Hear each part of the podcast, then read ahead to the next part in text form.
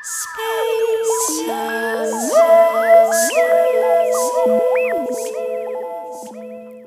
hallo. Velkommen til Solveig Speisa musikk på Radio Rakel FM 99,3. Mitt navn er Solveig Sørbø, og jeg sitter her med kveldens gjest, som er Maria Kjos Fonn. Velkommen til deg. Tusen takk. Du, jeg er litt sånn uh, høy på livet i dag fordi at du uh, ville være med på dette her. Det er, uh, det er fantastisk. Um, du er jo, er jo forfatter og har uh, ganske nylig skrevet uh, en bok som heter Heroin Chick. Mm. Vil du fortelle litt om den og om deg? Uh, ja. Um, jeg er forfatter og skribent. har skrevet tre bøker foreløpig, og så kommer det mer, så det kan man jo vente og se. Um, Heroin Chick er den siste romanen min. Det handler om en jente som vokser opp på beste vestkant med de beste forutsetninger, og som begynner å få anoreksi i ung alder. Og det er jo kanskje ikke noe man eh, blir så overrasket over i den type miljø hvis du først skal bli psykisk syk, men så, så er jo etter hvert eh, anoreksien gir henne ikke nok eh, følelsesregulering eller demping osv., og, så videre, og så blir hun heroinist, og det går ganske dårlig. Og så går det litt bedre, og så får man jo lese boka hvis man lurer på hvordan det går til slutt, da. Mm. Ja, jeg har, jo, jeg har, jo, lest den, og ja, det er jo en, en veldig det er, det er, jo stor litteratur eh, som tar opp eh, Altså, man er jo veldig nær på, på, døden og på I det hele tatt gjennom hele boka. Og på, og på rus, og også veldig, veldig nær på musikk. Mm. Så det var litt derfor at jeg hadde lyst til at du skulle mm, komme til Space Musikk og snakke litt om dette forholdet, da, mellom Altså hvorfor er det så mye musikk i boka? Um, Hvilken rolle spiller det i Elises liv, og også i din skriving? Uh, I Elises liv så spiller det jo all, all rolle. Uh, hun er jo sanger, men, men uh, i tillegg til å ha et sangtalent, så er hun utrolig på en måte følelsesmessig rå. Altså sånn ubeskyttet i møte med musikk fra barndommen. At det nesten blir på en måte å, å møte det hellige. og får, en, får, veldig sterke opplevelser fra musikk, som hun faktisk senere får behov for å numme da, med ulike, ulike ting, enten det er sulting eller rus osv. Hun er veldig følsom, og musikk virker veldig sterkt på henne. Og hun sier jo et sted at jeg skulle, ikke, jeg skulle ønske at jeg ikke ble så satt ut av alt som var så vakkert, at jeg måtte oppsøke så mye stygt. Eh, og det at da boken er full av musikkreferanser, det er jo ganske naturlig. Den er full av mange referanser til klassisk musikk, som eh, Elise, hovedperson synger. Eh, og, og, den er også full av referanser til rocketekster, og de møtes jo litt, ikke sant? Eh, fordi rocketekster om rus, om spiseforstyrrelser osv. Som, som en sliter med, da. Vi kan jo kanskje begynne med å høre eh, en av de låtene som det refereres til i, i romanen din. Um, vil du fortelle litt om hva du, hva du har med deg? Uh, ja. Um, vi begynner med Candy Says. Uh, og jeg uh, um, valgte den låta av Velvet Underground fordi det er fint, en fin tekst, og sår tekst, om en ung jente. En sånn pubertetstekst. Det er jo en sånn veldig sårbar og skremmende fase i livet. Og så um, sier da Candy I've come to hate my body and all that it requires in the world. Men så senere What do you think I'd see if I could walk away from me? Og denne hovedpersonen, hun vil jo gjerne vekk fra seg selv, um, men blir veldig fanget i seg selv, selv når hun prøver å komme vekk fra seg selv gjennom rus eller sulting eller overspising eller hva det nå skulle være. Uh, så, så derfor valgte jeg den. Uh, jeg er veldig glad i Velvet Underground, så det det, det, det er den versjonen vi skal spille litt av. Men, men, det er også en helt nydelig versjon av Catherine Williams, hvor det at det er en kvinne som synger, også gjør det veldig fint og sårt, da. Mm. Da skal vi høre Candy Says av uh, The Velvet Underground. Candy says, I've come to hate my this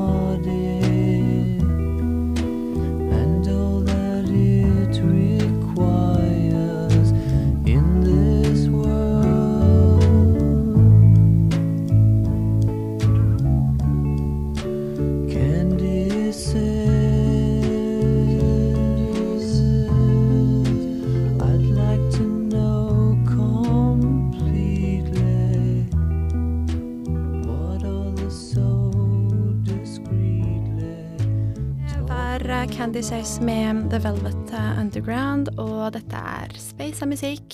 Og jeg sitter sammen med Maria Kjosvann. Det er veldig fint. Deilig å høre på denne låta, da. Mm, den er veldig fin. Den er veldig fin, selv om den da er ganske trist. Sår. Ja. ja. Mm. um, jo, du har jo da noen, noen tanker om en viss sammenheng mellom musikk, rus, um, avhengighet. Vil du fortelle litt om det? Ja, altså det er jo livsfarlig å si at det er en sammenheng, for da går man jo langt inn i, i romantisering, som, uh, som, jo allerede tittelen 'Heroin Chic' kan bære bud om, selv om den er ironisk. Men, men det jeg tenker på som, som, gjør at det er lett å skrive om det sammen, er uh, særlig avhengighet. så så kan du føle på en måte at du drives av en slags rytme ikke sant, som ikke er din egen. Altså denne, dette behovet for å få stoffet kan opptre litt sånn rytmisk i kroppen. Det er i hvert fall eh, litt det jeg prøvde å få til når jeg skrev. Um, og litt sånn, litt sånn det oppleves for mange. Um, hovedpersonen min, uh, Elise, hun hun blir jo besatt av en slags sånn der tallmagi når det gjelder spiseforstyrrelsen og gå stadig mer ned i vekt og sånn. Og det eh, blander jo hun i sitt forskrudde eh, sykesyn på verden inn i en slags sånn derre matematisk eh, tallmagi som også musikken går opp i. ikke sant? Musikk er jo matematikk på mange måter. Og Mozart og hva, hva blander hun ikke inn i, i sin egen sykdom. Ja, og eh, rytmen også er jo og rytmen. I alt, alt, I alle de tingene. Alle de tingene. Mm. Eh, veldig rytme i eh, et, eh, et spiseforstyrret liv er et veldig repetitivt liv, og det er også et avhengig liv. Eh, og musikk er stort sett rytmisk. Ja. Så, så, det er vel det. Og så er det jo veldig mye musikk som kan brukes til å, til å romantisere ulike tilstander. Ikke minst eh, dop, da. Eh, som, og jeg tenker jo at det, det snakkes jo mye i våre dager om romantisering av anoreksi. Eh, før så snakket man kanskje mye om romantisering av rusmisbruk, da alle, alle rockere og sånn drev med det og sånn. Jeg tenker jo at, uh, rock, at rusmisbruk er jo noe man mer opplagt kan romantisere. Altså Det er jo helt grusomt, men det har i hvert fall en sånn, noe, litt sånn reisen til mørkets hjerte over seg, og på en måte eh, risiko og gambling og, og Ja, du, du, skjønner hva jeg mener, på en måte. Mm. Mens spiseforstyrrelser er å gå til og fra kjøleskapet og badet, liksom. Det er veldig rart at det har fått en sånn romantisk, eh, romantisk rolle i kulturen, men det har nå engang det. Og en låt som jeg har valgt, av Manic Street Preachers, det er på en måte den store um, på en måte pro-ana-låta, da, eller som virkelig løfter fram hvor eh, berusende en spiseforstyrrelse kan være. Eh, for det er det for Elise. Altså sånn Alle med spiseforstyrrelser opplever ikke rus, men, men, hun ruser seg på sult. Og det kan man jo se uten sammenligning for øvrig, i, i, i Hamsun-sult også, ikke sant? At uh, den rusbeskrivelsen er for noen, noen en del av uh, en del av det som er tiltrekkende med å være sulten. Jeg tror hvis Elise hadde blitt fortalt at hun kunne være kjempetynn og spise hva hun ville, så ville hun sagt nei. For det var det å være sulten hele tiden og forsake som er det som gir de følelsene, da. Av, mm.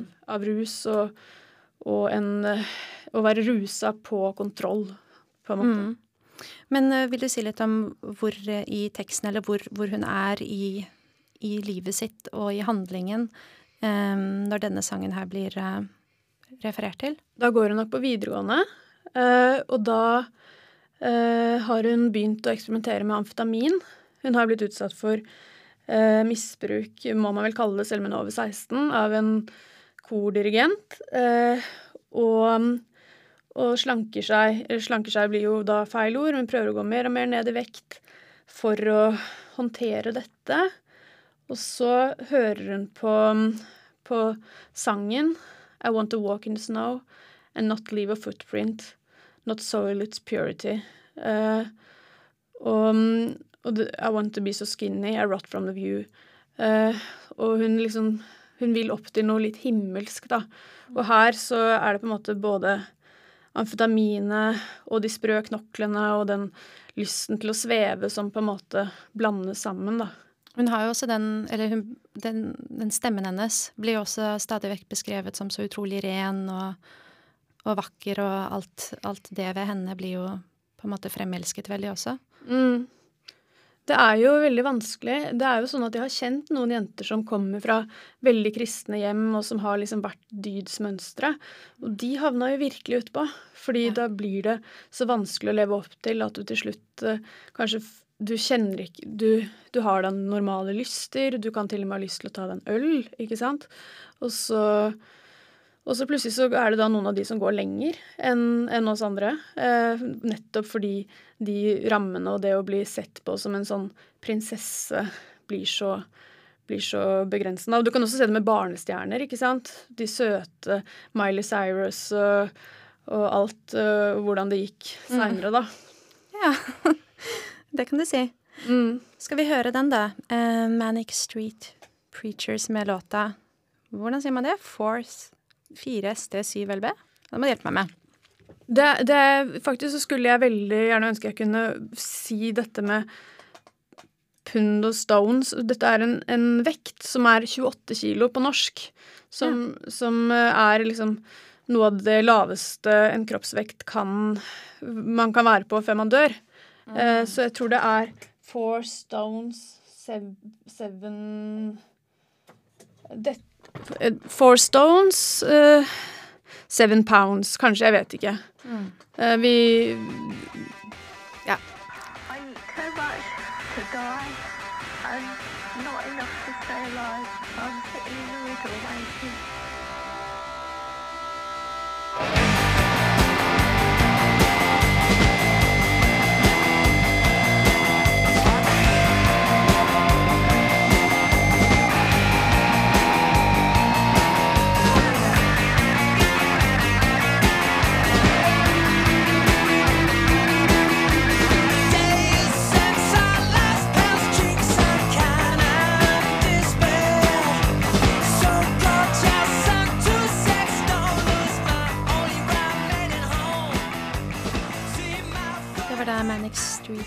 Preachers med Four Stones, Seven Pounds. Nå lærte vi oss hvordan man skulle si det også. Um, jeg tenkte jeg kunne spørre deg litt om det ønsket som uh, hovedpersonen i Heroin Chick uh, har for å komme tilbake til barndommen. Ja, uh, hun har jo et sånt, som det heter på litt fint psykologisk språk, en sånn regresjon, ikke sant? At hun, at hun kommer tilbake til, til barndommen. Og ved egentlig å gjøre ting som fjerner henne veldig fra barndommen, som f.eks. et hardt heroinmisbruk osv. Um, ehm, men det ender jo med at hun, at hun ender i mammas seng og får hjelp, da, uten å spoile mer på slutten. Men, men både Altså, det er velkjent at spiseforstyrrelser, uh, eller anoreksi særlig, da, kan handle om at jenter ikke vil bli voksne, ikke vil få kvinnelige former, bli i stand til å få barn osv. Og, så Um, og få oppmerksom, en oppmerksomhet som barn gjerne får. ikke sant? Men alle psykiske lidelser kan nok ha et Eller noen med psykiske lidelser kan også være det at man er redd for å bli uh, et, uh, et, menneske som fullt og helt blir stilt ansvar til. Uh, en av mine yndlingspoeter i Norge, Anne Lene Guddal, hun har skrevet en diktsamling om psykiatrien, hvor hun skriver om at når ambulansen kommer, om å ikke lenger være sitt eget ansvar. Og det syns jeg er veldig fint og talende, og det tror jeg er litt det Elise vil. Og når hun er en tynn, utmagra junkie, egentlig, så er hun jo mammas lille jente. Um, på, den, på, den, litt perverterte måten det er, da. Uh, og ja, boka har jo vært ute en stund, sånn at uh, jeg vil jo gjerne at flere skal lese den, men det ender jo som sagt med at hun har flyttet hjem og, og er uh, veldig sånn ja trygg hjemme hos mamma, på en måte, da. Uh, og det, det har hun kanskje lengtet etter veldig. Mm. Um, fordi hun aldri egentlig fikk helt lov til å være helt voksen. Hun skulle jo litt få bli et barn et sånn englebarn. Men det var ikke helt sånn de så for seg at hun skulle bli det. Nei, men sant, ja, for det, var, det, er hele tiden det du synger. Du synger jo så fint, og det er den, den, den lyse og rene stemmen. Mm. I det veldig, veldig trygge hjemmet. Veldig trygge rammer. Mm. Så mm. Det er veldig trygge rammer, og det er skummelt å si, men det kan bli for trygge rammer for et barn òg. I hvert fall kan det bli for trygge rammer hvis uh, det er mer uh, um, god feedback på det ytre og det du får til, enn på hvem du er. Hvis det blir veldig mye oppmerksomhet. Uh, alle barn skal ha oppmerksomhet, men det kan gå for langt òg. Um, sånn at vedkommende blir usikker. Er jeg så fantastisk, egentlig? Ikke sant? Mm. Når virkeligheten også kommer etter hvert. Ja. Og er man fantastisk uten den uh, fantastiske englestemmen også? Nei, det er det. Mm. Uh, det kanskje hun prøver å teste det òg. Um, ehm, hvordan kan de elske meg når mm. utseendet slutter Når jeg slutter å være vakker, når jeg slutter å kunne synge? Som er det som skjer når hun, når hun blir all, tungt narkoman. Da. Men hvordan skapte du denne karakteren? Altså nå, nå, nå sier du liksom litt sånn Kanskje er hun litt sånn. Altså mm. er hun på en måte blitt en, eh, en, skikkelse som du som du kan på en måte spare litt med? Er hun på en måte blitt en egen, egen karakter? Ja, jeg kjenner henne. Eh, ja. Så kanskje er nok eh, ikke Det er ikke så mye forbehold. Jeg føler jeg kjenner henne, men så tenker jeg også det er litt opp til leseren. Ja. Folk kan jo lese henne på andre måter, og det er jo ikke mer riktig enn hva jeg har skrevet. Uh, med mindre, med mindre, det er noe som at noen tror hun er en alien eller noe sånt. Da. Men, mm. men det, det, selv da så skal jo ikke jeg krangle. Um, sånn at jeg føler jeg kjenner henne veldig godt. Måten jeg skapte henne på, var um, å begynne å interessere seg for å skrive en avhengighetsroman, for det ville jeg gjerne. Uh, men jeg ville skrive uh, på en måte Jeg hadde nettopp skrevet boka 'Kinderhår' om uh, om å vokse opp med omsorgssvikt og overgrep og også få et rusproblem som var mindre alvorlig, men like fullt. Um, og ville skrive om det på en helt annen måte, da, hvor avhengigheten ikke er for å dempe noe vondt som har skjedd Altså det er avhengigheten som er problemet. Uh, og at det også skulle være litt sånn, litt sånn vanskelig å få tak på helt hvorfor. Jeg tenker at det er, eh, det er nok av grunner men det er ikke den der eh, pistolen mot hodet på en måte som, som forklarer hvorfor det skjedde. Eh, og det er jo også viktig å få fram at eh, eh, menneskelivet Noen er bare veldig følsomme, og det er ikke noe lettere selv om man da ikke har opplevd å bli slått hjemme hvis man mm. ikke takler livet sånn som det er, da. Ja.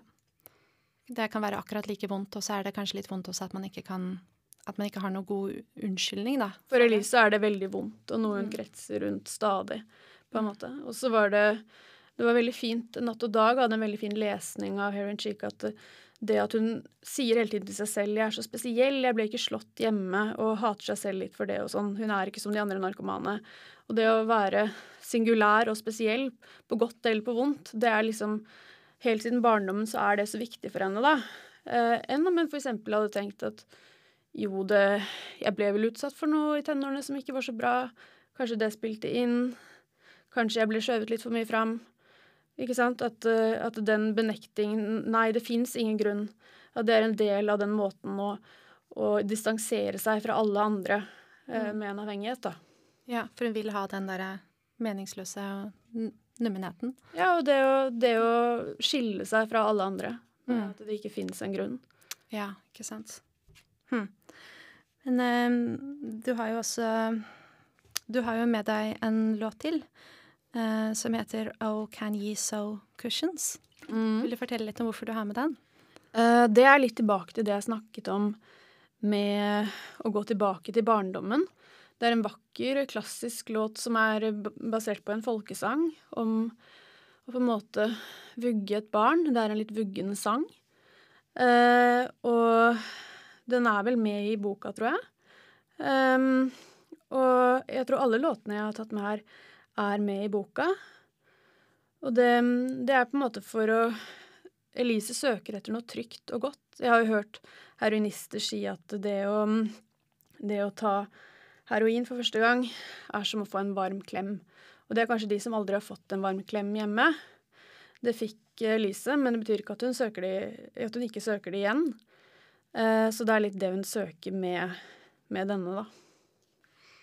Og du skal faktisk eh, synge et lite vers av den for oss? Uh, ja, jeg skal det. Uh, det fant vi ut rett før jeg gikk inn i studio, da. Så, så jeg er litt uh, usikker på hvordan det kommer til å gå. Og jeg er litt hes, men vi bare prøver. Oh, can you sow cushions? Oh, can you sow sheets? Can you sing value low when the bond greets? And high in Barbary and high in Bolamp, high in Barbary, my bonny wee lamb. Hi-yo, hi-yo, what will I do wee? Black's the life that I we. Many are you, little for to gi. Hi-yo, hi-yo, what will I do? Hmm. Jeg, jeg, jeg føler litt den eh, klemmen nå merker jeg. Mm, ja. Ikke sant. Den er litt sånn mm, Takk. ja. Um, det passer kanskje å snakke litt om, grann om, dette med sang og um, sangøvelser. Mm. Fordi altså, du har jo gått Du har sunget en del selv og fått uh, sangtimer, og det gjør jo også uh, Elise i Heroin Chick mye. Mm. og du bruker jo veldig mange sånn um, refererer til mange sånn visualiseringsøvelser. Mm. Sånn, husker jeg ikke akkurat, men forestill deg at du har Altså, det kan være sånn Forestill at du har et lys uh, foran stemmen, eller lys inni brystet, eller mm. altså um, Ja, jeg skulle selvfølgelig hatt med et eksempel, men den type ting, da. Men mm. hva, er, hva, er, ditt forhold til denne type øvelser, og hvilken rolle har det i um, boka? I boka så har det jo den rollen at uh, Elise blir stadig konfrontert med sangøvelser hvor hun skal åpne kroppen. Eh, og så har hun anoreksi og vil bli mindre og mindre, samtidig som det å synge godt jo egentlig krever at man gjør kroppen sin stor. Eh, så det er jo på en måte et sånn stadig eh, det, det, skurrer jo veldig for henne, ikke sant? Når man, når man, skal puste ut og bli tatt på magen, og så vil hun jo ikke ha en stor mage som man får når man puster ut. Alt det der. så det er særlig moren hennes som bruker bilder eh, når hun ser for deg at det er en blomst som åpner seg i brystet ditt og sånn. Og jeg vet jo for mange, det er jo noe litt annet, men for mange med traumer, hvis man da skal på en måte drive med kroppsøvelser, så sier man ikke 'tenk på pusten din', for da blir folk stressa. Da sier du tenk på en hånd som maler, og så puster du inn, og en hånd som maler, så puster du ut, og på en måte flytte det litt ut, da. Så kanskje moren er litt klok og ser at uh, Elise strever litt med, med, på en måte det helt kroppslige. Uh, at det er lettere med metaforer og bilder, da. Mm. Uh, for meg så Jeg har drevet jo med sang og skuespill og, og alt mulig, og da er jo på en måte Visualisering er veldig nyttig. Um, og også som forfatter, fordi uh, forfatteren blir jo mer og mer en entertainer òg, ikke sant. Så man gjør jo ting på scenen. Jeg har gjort ting med musikere osv. Uh, eh, og det å både visualisere i forkant uh, er jo en god måte å mot nervøsitet, og så er det um, jo, det er effektivt, ikke sant. Og når du, når du synger eh, hjemme, så kan du jo krabbe rundt på alle fire for å få best mulig mulig lyd, men det kan du ikke på en konsert. Mm. Men da kan Jo da. ja, ja, ja. Eh, da, da, trekker jeg det tilbake. Men hvis du ikke ønsker å gjøre det, så kan du likevel se for deg at kroppen din gjør ulike bevegelser som ville fått stemmen bedre mm. fram, da. Men det, det er interessant det du sier med at hun kanskje ikke egentlig vil ha det forholdet til kroppen. Mm. Har det også en slags Eller hva skjer når hun da på toppen av det eh, ruser seg? Um, og også, for det er jo en stund at hun fortsatt synger. Ja. Uh, og får disse sangøvelsene av en person blant annet som, som har gått litt for nær henne. Mm. Um, ja. Uh, hun vil ikke ha forhold til kroppen, men så er det jo dessverre sånn at hun har en kropp. Um, og hun prøver jo med veldig kroppslige midler å ikke ha et forhold til kroppen. Mm. Fordi den da skriker av sult og Så rusen funker jo kanskje litt bedre. Eh, da blir hun nummen. Men da slutter hun jo etter hvert å kunne synge bra. Eh, Ja. Hun eh, røyker jo heroin først. Det er jo Hvis man først skal bruke heroin, så er jo det det meste måten å innta det på. Men eh, så tenker hun at det går utover stemmen, så hun går over til sprøyter. Eh, men det, det går heller ikke bra så veldig lenge. Mm. Eh, så mm, så det er eh, Det var noe av det vanskeligste med boka, var den der researchen på hvordan rusmidler påvirker stemmen. Eh, Snakka med litt folk på sånn eh, logopedisk institutt og sånn, og, og fikk noen innspill. Eh, og, og når hun mister stemmen, så er det jo Det rare er at det er jo egentlig ingen sorg der, eh, på en måte.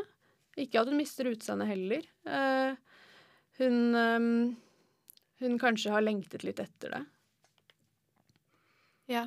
Er det, er det litt det å bli, å bli elsket for den hun er uten det fantastiske utseendet og den fantastiske stemmen, eller? Da, det hadde vært fint, men uh, egentlig så snur hun jo bare på det. At Ja. hun blir en, en spektakulær junkie. Uh, Ja, ikke sant. ikke sant? Som, som er annerledes på en helt annen måte. Mm. Eh, hvis du ikke kan være på en måte vakrest, flinkest, så kan du være sykest, mest ødelagt. Og det kan være utrolig Mm. mye ekstremt, omvendt narsissisme i, i det å på en måte ville vise seg fram som, som ødelagt. At det blir liksom litt performativt, da. Ja, litt sånn ytterliggående. Ikke sant? Men, men det betyr ikke at jeg underkjenner smerten som veldig reell. Det er jo en grunn til at man går så langt. Ja. Men at det, har en, det fyller en funksjon, da.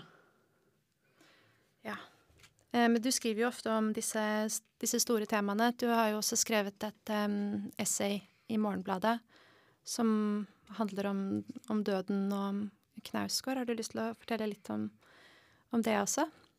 Jo, øh, om essayet. Uh, uh, om essayet så skrev jeg Jeg har liksom vært interessert i både det bibelske og det okkulte og sånn litterært fordi jeg syns det, det er spennende med det paranormale. Jeg tror ikke på det, men, eh, men eh, det åpner opp for interessante tanker. Eh, I tillegg så Jeg tror at eh, det å ha litt dødsangst er vel ganske gru grunnleggende for mennesket. Han psykiateren Irvin Jalom har jo sagt at alle nevroser bunner i dødsangst. Det tror jeg ikke. Mm. Eh, Men jeg merker at det kan være liksom små ting hver dag som på en måte, en måte kryper seg på. At jeg kan se subtile aldringstegn, eksempel. Som, da, det er ikke det at det er noen forfengelighet som For det, det er ikke ting som på en måte syns på den måten, men som på en måte minner meg på at eh, jo, jeg blir eldre, jeg skal dø. Eh, og, og har Og strever nok med om ikke dødsangst, sånn at jeg, men at jeg på en måte Jeg, jeg føler et ubehag rundt det. Jeg er vel litt som Woody Allen, jeg er ikke redd for å dø, men jeg vil ikke være der når det skjer. på en måte. um, så, så døden syns jeg er veldig interessant, da. Um, og kunne egentlig skrevet masse essays bare om ulike varianter av døden, men uh, da, da virker jeg jo enda mer lystig enn jeg allerede gjør når jeg skriver om heroin og overgrep, så, så får ta Men det er, fint at du, det er jo fint at du gjør det, fordi at det, altså, alle kjenner vel litt på Altså alle tenker jo på at en gang så tar livet slutt. Ja, og jeg tror Det er fint at noen skriver om det, for det blir jo litt mindre Jeg tror man kan bli litt mindre engstelig av at man leser om det sammen, da. Ja, og jeg tror det er sunt å gjøre det òg. Det, det, eh, er også forskning som viser at det folk som forholder seg til at de er dødelige, faktisk har bedre livskvalitet. da. Fordi man, fordi man da på en måte ser en ramme og klarer å sette pris på ting innenfor den rammen som er, så lenge, det, så lenge man gjør det på en positiv måte, da, og ikke bare legger seg ned og venter på å dø. Men hvis man tenker at det, det er liksom at Eller hvis man tror på et liv etter døden, eh, så føles jo det sikkert veldig Det føles jo veldig trygt. Og jeg har jo en gang trodd på det selv. Eh, og det føltes jo kjempetrygt, og jeg kunne egentlig bare slutte å filosofere og, og lure på ting. Mm. fordi det er mye mm, Jeg opplever det som mye tyngre å faktisk eh, erkjenne at, at det tar slutt en gang, da. Mm. Men idet man Ja, idet man anerkjenner det, så Mm. blir jo livet nå utrolig mye verdt. Det er jo litt sånn det samme som du sier. Da, ja, det er nok det. Og jeg, jeg er jo litt sånn som kan være nysgjerrig på om det fins en gud også, men jeg har aldri klart å tro på livet etter døden, da. Mm. At det er på en måte der det, det høres ikke det høres tullete ut, eller sånn. Jeg klarer ikke å tro på det. Um, så det Men da tenker jeg jo at det At man At det blir stille, og man forsvinner, og det er jo ikke noe verre enn det. Så jeg, jeg er nok mer redd for aldringsprosessen, det jo at det nærmer seg, og på en mm. måte merke at det, livet ebber ut, da. Um, ja. Det blir jo veldig tungt også, gjerne. På, det er mm. tungt å gå rundt og være gammel, f.eks. Ja. Uh, mm.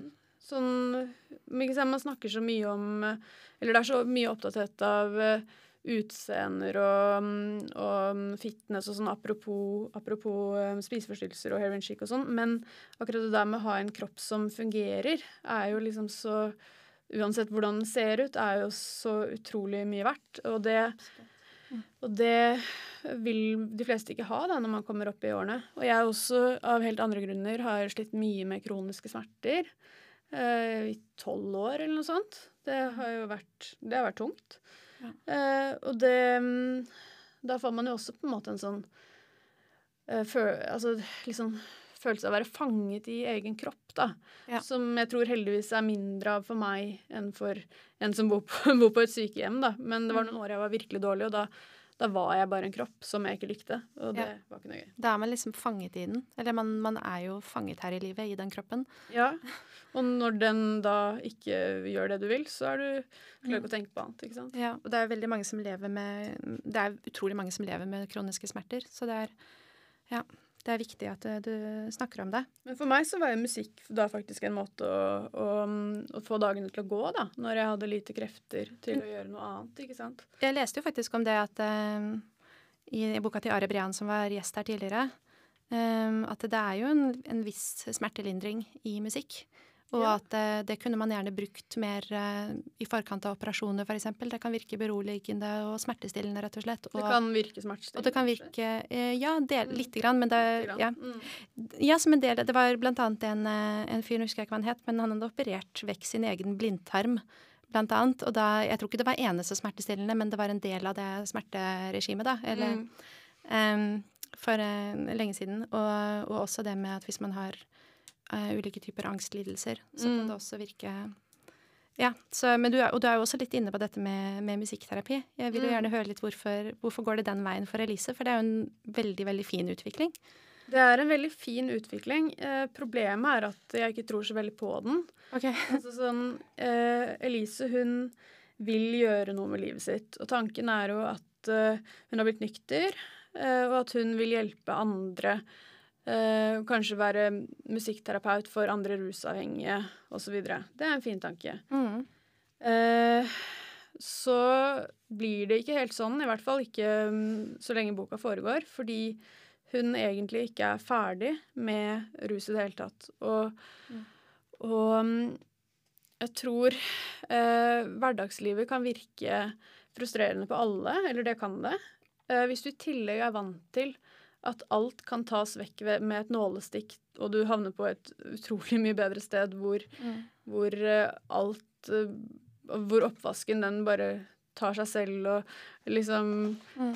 Ikke noe mas med kjæresten og alt, så, så kan du bli enda Hun har en sånn liksom der misfornøydhet som hun som hun uh, også sier at hun har fått liksom misfornøyd drag over munnen. da, At nå, nå er hun misfornøyd med livet sitt.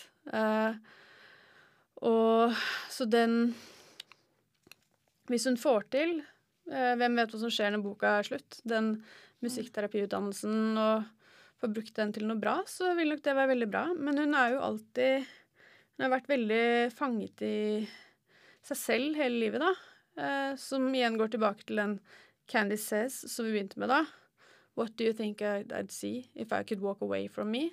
Kan hun få det bedre hvis hun klarer å løfte blikket mot noen andre. Eh, og det er jo ofte en måte Særlig på spiseforstyrrelser så kan man jo bli så fanga i tanker over sin egen kropp at, at det å At noe annet blir viktigere, at andre blir viktigere, det er jo i seg selv noe man kan bli mye friskere av, da. Og et tegn på at man blir friskere. Så. Og jorda, liksom. Ja. ja, ikke sant. Det er veldig fint. Å, herregud. Um, skal vi høre en låt til? Ja. Uh, tenkte på Didos klage. Uh, før den? Nei, før den. Ja. Uh, det, Heroin, rett og slett? Ja. ja. det er fra Velvet Underground. Mm. Om den det første skuddet med heroin, uh, og hvor fantastisk det er. Um, så det er det jo ikke for alle, men det er en kul låt.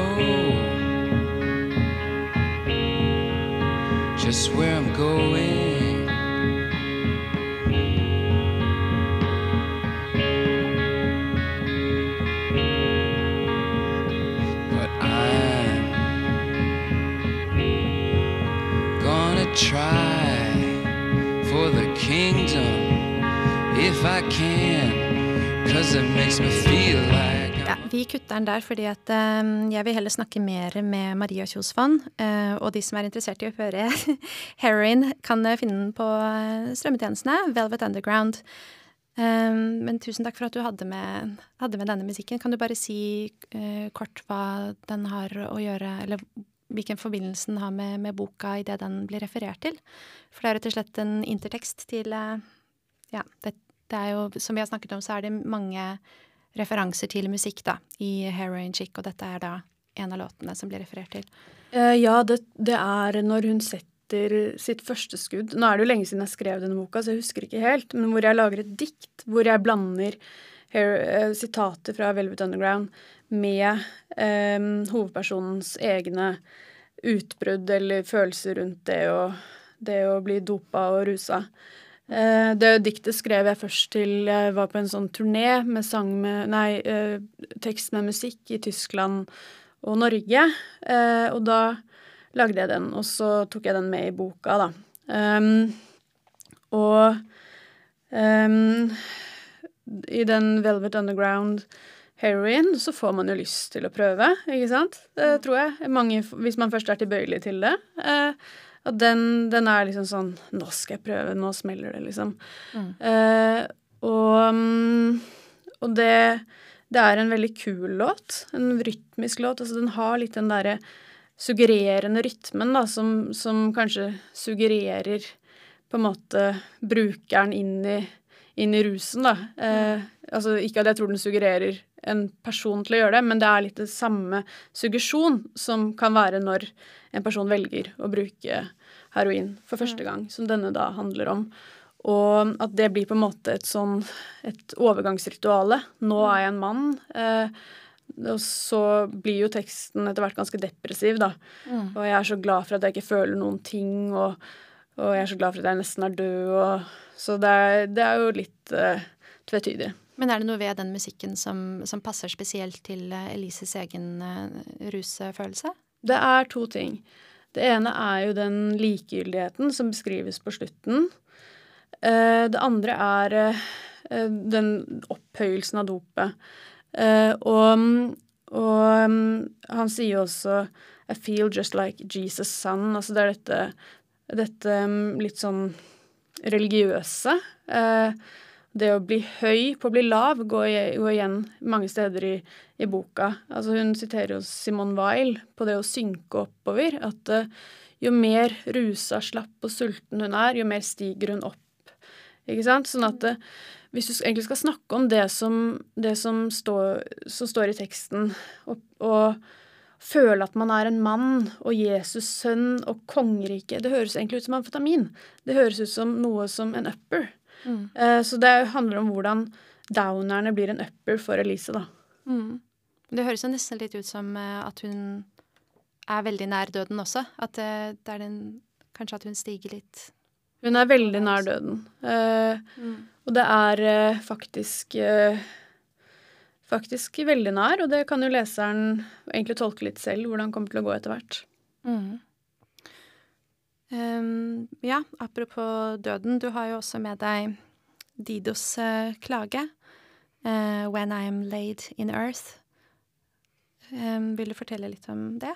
Ja. Um, Elise synger jo denne sangen uh, på avgangskonserten på Baratue i romanen.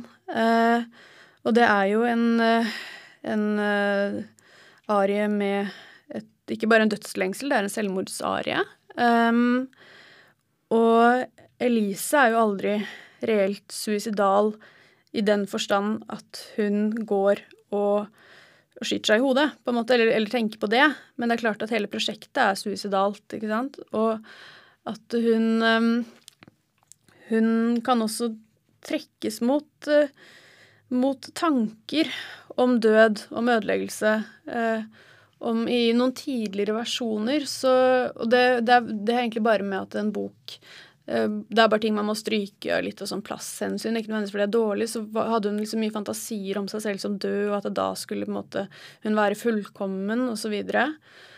Og um, en sånn selvmords selvmordslengsel hvor hun måtte ruset seg litt på det å være suicidal. Og det er jo et dikt av Anne Sexton som heter 'Wanting to Die', som handler om, om dette med, med selvmord hvor, hvor, den lysten til å ta livet av seg blir nesten seksuell, og, og den blir eh, berusende. Who can I forget a drug so sweet that, that even children would look at it and smile? Mm. Or the, the, almost unnameable lust returns. Uh, så, så jeg tok vekk det med at hun ruste seg på selvmord, for hun ruser seg jo på alt annet strengt tatt. så det, det men, men, det er jo et suicidalt prosjekt. Uh, det er også en låt, eller en, en sang, som jeg er veldig glad i, har sunget selv.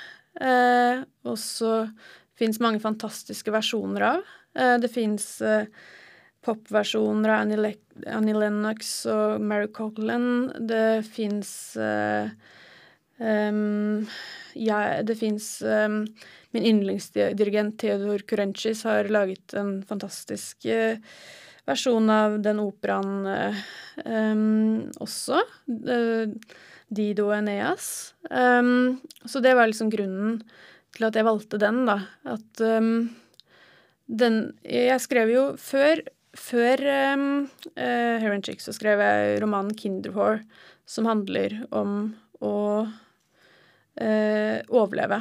Uh, overleve fra de verste forutsetninger. Uh, men denne romanen, handler, altså Hair and Chick, handler jo om å dø. Eller være døden nær med de beste forutsetninger. Så det er på en måte to ganske forskjellige utgangspunkt, da. Ja. Uh, de utfyller hverandre, eller de Ja. Fantastiske bøker, begge to. Uh, men den versjonen vi skal høre i dag, er jo da med uh, en mezzosopran som heter Eira Sjåstad Huse.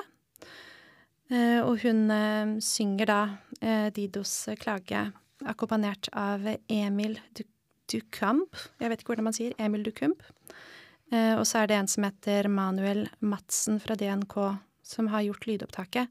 Og den er jo spilt inn, det passer jo veldig fint, for den er spilt inn i eh, Emanuel eh, Vigelands eh, mausoleum.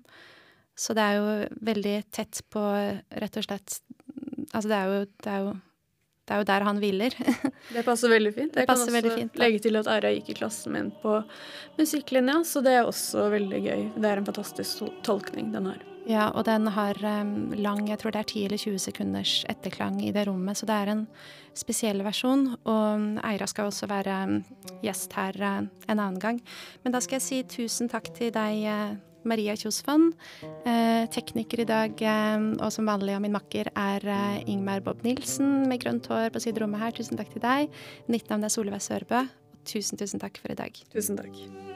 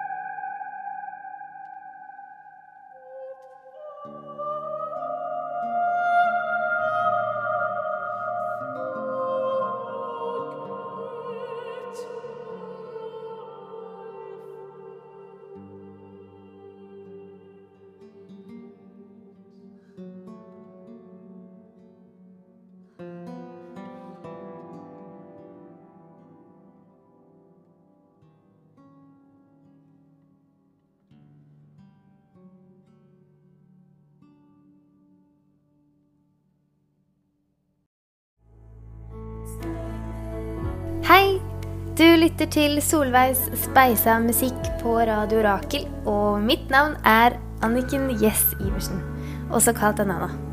Eh, I min episode snakker jeg om musikkproduksjon. eh, Hvordan å bygge opp en låt fra struktur til beats, til melodi, til skruing. eh, Og hvilke produsenter som har inspirert meg der ute.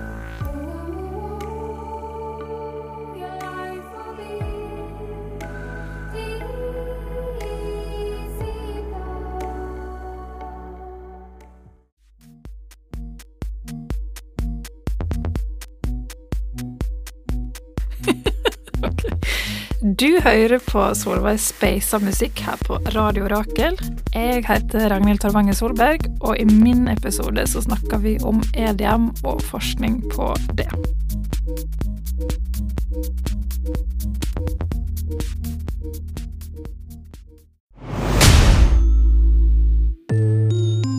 Jeg er Jesper. Jeg er Elling fra Gatas, og sammen er vi Gatas Parlament. Vi spiser brostein og drikker Molotov-cocktails mens vi hører på Radio Rakel. Ah, så deilig.